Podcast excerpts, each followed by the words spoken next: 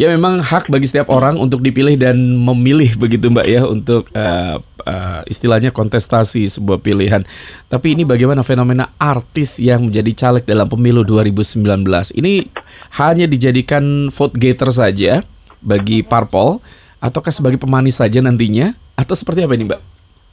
Iya, kalau tadi benar sekali ya bahwa uh, yang namanya uh, menjadi anggota DPR itu di negara sebuah demo, uh, negara demokrasi menjadi anggota parlemen tentu adalah hak setiap warga negara Indonesia mm -hmm. begitu. Kita tidak bisa juga bilang nih artis ngapain sih ikut-ikut jadi anggota parlemen. ya kalau memang dia punya kapasitas, punya iya. kompetensi yeah. dan juga melalui sebuah proses kaderisasi yang baik oleh partai ya sama seperti uh, kita yang aktivis, akademisi, mm -hmm. uh, apa broadcaster gitu ya, uh, itu kan juga boleh yeah. gitu. Tapi memang ini kok uh, di 2019 ini luar biasa loh kayak uh, angkanya tuh besar begitu banyak dan seperti berbondong-bondong begitu mm -hmm. diajak masuk mm -hmm. ke dunia politik. Nah ini yang menjadi pertanyaan kan ini uh, benar karena mereka uh, apa punya atensi untuk menjadi wakil rakyat. Jadi wakil rakyat itu nggak gampang loh. Mm-hmm. Benar-benar harus punya komitmen, punya apa uh, uh, uh, kemauan untuk melakukan kerja-kerja yang mungkin saja sangat berbeda dengan dunia mm -hmm. keartisan, melakukan kerja-kerja legislasi, uh, penganggaran dan juga pengawasan begitu. Memang ada tantangan baru di mana melalui kerja-kerja di parlemen itu kan kerja yang berkaitan dengan pemikiran, sumbangsih, bagaimana menangkap aspirasi masyarakat dan menerjemahkannya dalam sebuah kebijakan.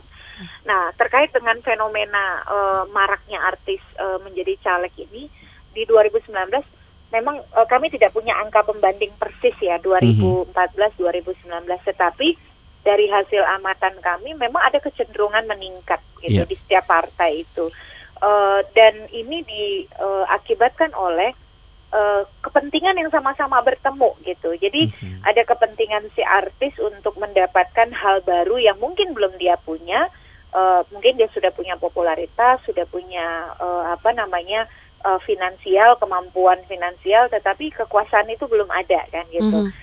Dan partai itu punya kepentingan untuk mengamankan perolehan suara dan kursinya di pemilu 2019 yang notabene merupakan pemilu dengan kompetisi yang sangat sengit dan kompetitif gitu. Mm-hmm. Jadi 2019 ini selain yang pertama uh, kita menerapkan sistem proporsional daftar terbuka di mana pemilih itu uh, bisa langsung memilih calon sehingga partai berkepentingan uh, calon sebagai uh, apa namanya uh, instrumen untuk menarik suara pemilih atau kemudian uh, sebagai uh, juru kampanye yang akan menentukan perolehan suara partai, partai pasti berkepentingan untuk uh, menampilkan orang-orang yang dikenali oleh publik mm -hmm. gitu ya. Dan mhm. artis kan punya kelebihan itu gitu. Mm -hmm. Yang kedua, uh, karena di pemilu 2019 ini kan kita ambang batas parlemennya untuk masuk DPR naik ya, Betul. Uh, dari semula tiga setengah persen menjadi empat persen. Jadi yeah. parpol itu harus mengumpulkan suara pemilu DPR paling sedikit empat persen uh, baru dia bisa diikutkan di dalam penentuan perolehan kursi DPR.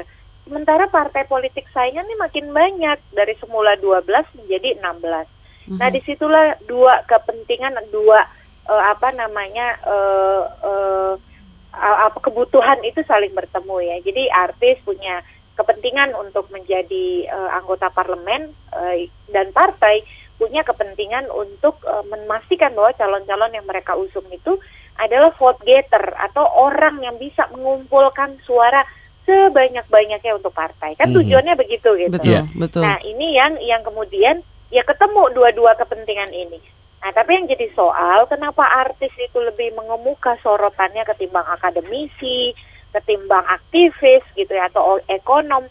Ya karena memang eh, artis ini kan populer begitu ya, mm -hmm. jadi mereka pasti otomatis disorot gitu, karena ya mereka sendiri adalah berita gitu. Okay. Dan yang kedua, ada uh, fenomena artis-artis yang masuk parlemen itu lebih banyak tidak terdengarnya daripada terdengarnya, mm -hmm. atau kemudian ada satu dua tiga figur yang lebih sering uh, apa muncul dalam kapasitas profesi keartisannya ketimbang sebagai anggota parlemennya. Mm-hmm. Padahal kalau untuk menjadi anggota parlemen itu ada surat pernyataan, misal kalau dia advokat tidak boleh lagi berprofesi sebagai advokat. Kalau dia pengaj apa notaris tidak boleh lagi berprofesi sebagai notaris. Itu ada surat pernyataan. Mm -hmm. Nah, tetapi kan artis itu nggak ada surat pernyataan kalau di artis tidak boleh lagi berprofesi sebagai artis itu. Mm -hmm. Makanya ada artis-artis yang publik lihat anggota DPR yang publik ketahui itu kerjanya berat gitu ya, rumit. Tetapi kok setiap hari bawa acara stripping gitu. nah, ini ini yang kemudian menggeneralisir sekali lagi karena kan mereka populer gitu yeah, ya. Betul. Resiko jadi orang populer kan memang begitu. Uh, gerak-geriknya pasti akan diawasi lebih oleh publik. Nah, ini yang menjadi tantangan tersendiri ketika kita bicara artis hadir di parlemen. Meski artis yang berprestasi juga banyak. Pasti. Kita sebut saja Nova Rianti Yusuf. Mm -hmm. Ketika dia menjadi anggota DPR, walaupun sayang sekali tidak terpilih lagi ya di pemilu mm -hmm. 2014, dia adalah salah satu inisiator yang paling menentukan uh, uh, lahirnya Undang-Undang Kesehatan Jiwa. Dan itu prestasi yang luar biasa begitu ya. Dan ada beberapa nama lain yang uh, Tantowi Yahya misalnya sekarang kan menjadi duta besar di mm -hmm. uh, New Zealand di Selandia Baru. Itu adalah figur-figur yang kehadirannya memberi makna dan juga perubahan di parlemen kita. Mm-hmm. Okay. Dan apakah tidak ada sanksi, Mbak, kalau misalnya uh, setelah membuat surat pernyataan atau uh, apa namanya, ya fakta integritas gitu kali ya, kemudian lebih sering stripping daripada jadi anggota parlemen? Karena kalau melihat absen dari anggota DPR yang sekarang aja, yeah. itu kan memprihatinkan yeah. ya, Mbak. Rapat paripurna Betul. 560 yang uh, harusnya yeah. hadir.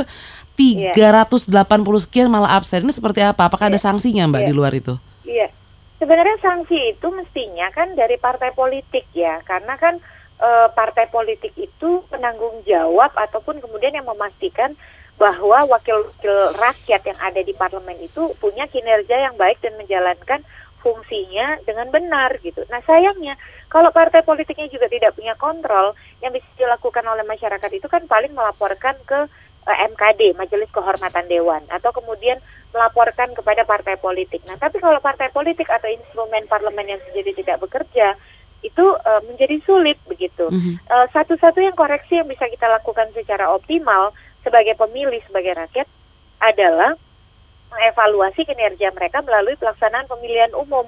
Nah, tapi kan itu menunggu ya lima tahun gitu.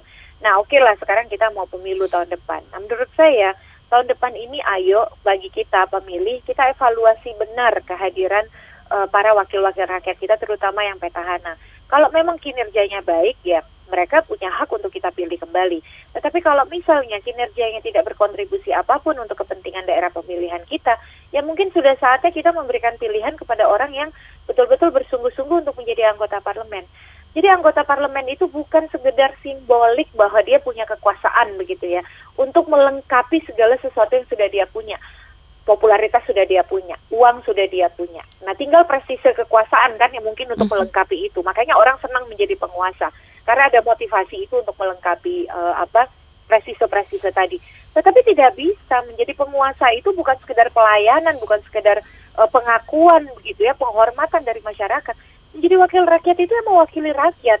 Mengapa kemudian rakyat memilih dia? Mm-hmm. Kan supaya suara-suara para pemilih yang ada di daerah pemilihan itu bisa terdengar nyaring di gedung dewan. Jadi di dapil pemilih mau apa, punya kepentingan apa, ada masalah apa, mestinya terdengar dengan nyaring oleh wakil-wakil rakyat kita menyuarakan kepentingan kita. Nah, tetapi kalau wakil rakyat kita lebih banyak datang, duduk, diam, dengar, loh, suara kita tuh kapan mau disalurkan mm-hmm. begitu kan mm-hmm. pentingnya kita punya wakil rakyat itu begitu karena negara kita terlalu kompleks kalau setiap orang uh, apa namanya harus didengar dalam proses pembuatan kebijakan makanya diserahkan pada wakil rakyat nah yeah. ini yang memang belum optimal mm-hmm. tapi sekali lagi ini bukan hanya catatan untuk artis tetapi catatan untuk semua wakil rakyat kita kenapa artis kemudian lebih menjadi sorotan ya karena mereka memang orang-orang populer begitu ya dan mm-hmm. ada beberapa yang hadirnya itu kok kita tidak pernah dengar dia berpartai, tiba-tiba jadi caleg gitu mm -hmm. kan. Nah ini jadi tantangan betul uh, bagi mereka, apalagi mungkin dunia keartisan dengan dunia uh, keparlemenan itu kan sangat berbeda sekali. Yeah. Mereka harus punya penguasaan pada pembuatan aturan, pada pembuatan undang-undang. Membuat undang-undang itu mekanismenya bagaimana sih? Lalu kemudian bagaimana uh, pembuatan anggaran kan itu perlu skill gitu, perlu pengetahuan memang anggota dewan itu punya tenaga ahli, tetapi tenaga ahli juga kan mereka harus kelola. Mm-hmm. Uh, resiko yang paling uh, uh, di depan mata yang harus mereka terima adalah Kalau mereka menjadi anggota parlemen, mestinya dedikasi waktu dan apa komitmennya itu kan penuh sebagai anggota dewan karena mereka harus menyerap aspirasi, mengartikulasikan aspirasi itu di dalam pembuatan kebijakan dan penganggaran serta memperjuangkan agar pengawasannya itu konsisten di dalam praktik-praktik di lapangan yang dilakukan oleh pemerintah. Jadi kalau masih berpikir misalnya uh, anggota parlemen itu hanya sebagai menumbuhkan prestise dan menguatkan uh, apa uh, uh, kehormatan dia di mata masyarakat uh, ya jangan berpikir sejauh itu lebih baik fokus saja kepada profesi awal karena sebagai anggota parlemen dia akan bisa popul tetap populer dan semakin populer namanya mm-hmm. kalau kinerjanya baik gitu ya kalau prestasinya baik kecuali kalau dia mau populer dengan cara-cara tidak baik gitu. Mm-hmm. Dan kesempatan ini apakah jadi kecemburuan juga nggak sih mbak bagi uh, kader-kader yang militan dengan kehadiran dari para artis yang nyalek yang tadi dikatakan dia tidak punya partai tiba-tiba nyalek di partainya begitu? Oh, sudah sudah betul sudah pasti karena uh, beberapa kader misalnya kader ini kan karena dia sibuk membesarkan partai ya. Mm-hmm. dia mengelola organisasi partai dia mengelola bagaimana partai itu agar uh, apa namanya organisasi bisa berjalan baik. Nah kadang-kadang kelemahan mereka tidak semua kan punya popularitas yang besar di dapil ya. Apalagi dapil kita ini kan besar. Mm-hmm. sebagai contoh misalnya uh, saya di dapil Banten 3 itu ada kabupaten kota Tangerang dan Tangerang Selatan. Uh, pemilihnya saja lebih dari 4 juta tuh di satu dapil itu.